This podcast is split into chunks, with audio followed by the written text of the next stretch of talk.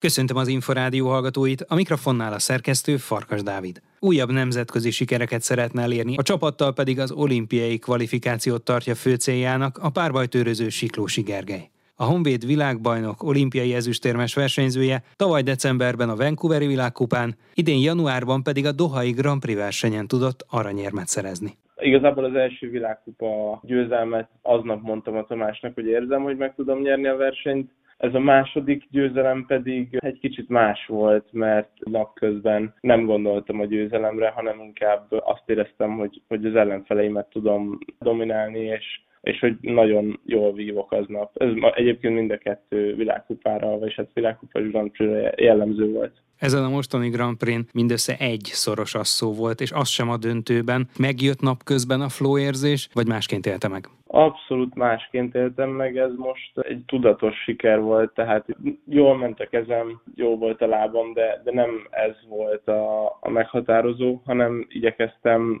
minden tanult elemet az elmúlt fél évből használni és beépíteni, és az elmúlt évek tapasztalatai alapján vívtam, tehát ez egy, inkább most már egy rutinból való győzelemnek tekintem. Mennyire más egyébként az a Siklósi Gergely, aki most ezt a két nagy nemzetközi viadalt megnyerte, mint mondjuk az, aki az olimpián második lett, vagy akár két évvel az olimpia előtt a VB-n győzni tudott? Őszintén öregszem. Azt érzem, hogy öregszem. Ez nem azt jelenti, hogy a teljesítményem csökken, hanem inkább tudatosabb vagyok, és jobb, egyre jobban beérik az a munka, amit az elmúlt 7-8 évben már felnőtt kategóriában elvégeztem most már egy sokkal érettebb, rutinosabb vívónak tekintem magam, és úgy eldöntöttük, hogy ez lesz az év szava, vagy hát a szezon szava, még a Berni világkupán Tamással, az edzőmmel, hogy a stabil szót keressük, tehát hogy egyéniben és csapatban is mindig stabil teljesítményt kell nyújtanom. Nem beszéltük meg, hogy stabilan jót vagy stabilan rosszat, de, de inkább a jóra alapozunk. Az eddigiek alapján ez bevált. Ugye a csapattal nagyon sokat léptek előre az elmúlt szezonban, az egyéni versenyeken viszont akár a hazaiakról beszél, beszélünk, akár a nemzetköziekről, maradhatott önben hiányérzet.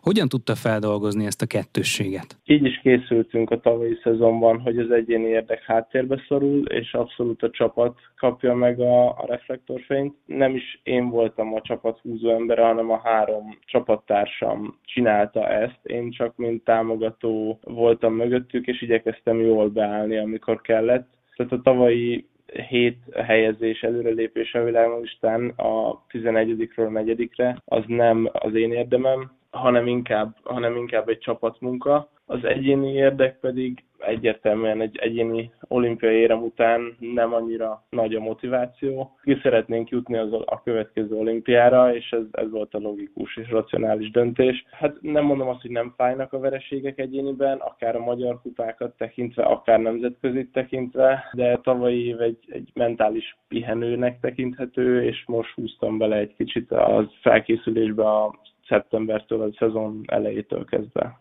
Ennek a menete, ennek az állomása ugyanakkor nem mindig lehetett egyszerű, hiszen például ugye az olimpia utáni Európa bajnokságot azon az őszön nem rendezték meg, és így elég nehéz volt akkoriban, gondolom, mentálisan, fizikailag megtalálni, hogy mikor mit érdemes csinálni. Mikor egyenesedtek ki így a tervek, és mikor kerültek összhangba a valósággal? Az olimpia után ugye nem lehetett kihagyni sokat, már szeptember 1-én mondta Tamás, hogy sajnos vissza kell jönni, mert Európa bajnokság lesz, amit eltöröltek. Ez egy kicsit nehéz volt, mert akkor két, tehát kihagytam volna egy másfél-két hónapot, ami, akkor sokkal jobban feltöltődöm. Ez a három hét olimpiai reflektorfényben való idézőjelben pihenés nem volt elég, és inkább egész évben egy ilyen folyamatos pihenést próbáltunk kialakítani, de közben ugye teljesíteni kellett, szóval nem is igazán egyenesedtek ki ezek a tervek, vagy tisztult le a kép, inkább azt lehetett érezni, hogy legyen már vége ennek az évnek. Tamással azt vártuk, hogy legyen meg a világbajnokság, én többször gondoltam arra, hogy lemondom, mert hogy egyrészt helyet adok valaki másnak, aki talán jobban tud teljesíteni, mint én, de a végső soron a szakmai célok teljesültek, amiket kitűztünk szeptemberben, mind egyéni, mind csapat szintenben maradtam a világon a 16 között, a csapattal pedig feljöttünk a legjobb négy közé,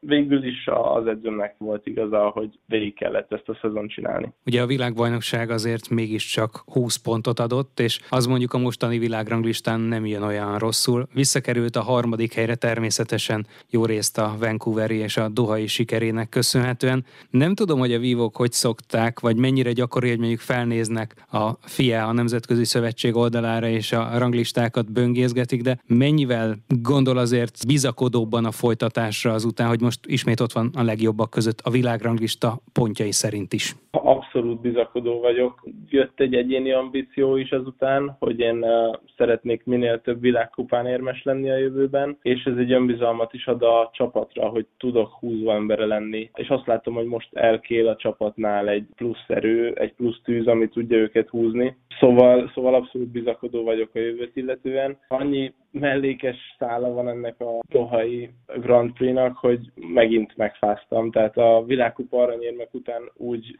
tűnik, hogy egy betegség mindig megtalál. Igyekszem minél hamarabb kijönni ebből, és már maximális erőbedobással edzeni. A Heidenheimi világkupa következik, és aztán nem sokkal később jön egy budapesti Grand Prix március második hétvégéjén. Mind a kettő nagyon-nagyon fontos, de a legfontosabb majd a májusi kvalifikáció kezdet lesz, amit Kaliban kezdünk egy Grand Prix versennyel, utána pedig Párizsban folytatunk, aztán Európa és világbajnokság következik. Siklósi Gergelyt a Honvéd olimpiai ezüstérmes világbajnok párbajtőrözőjét hallották. A vívó percekkel legközelebb jövő hétfőn délután, nem sokkal 3.44 után várjuk Önöket. Korábbi adásainkat megtalálják az Inforádió honlapján a www.infostart.hu oldalon. Most megköszöni figyelmüket a szerkesztő Farkas Dávid.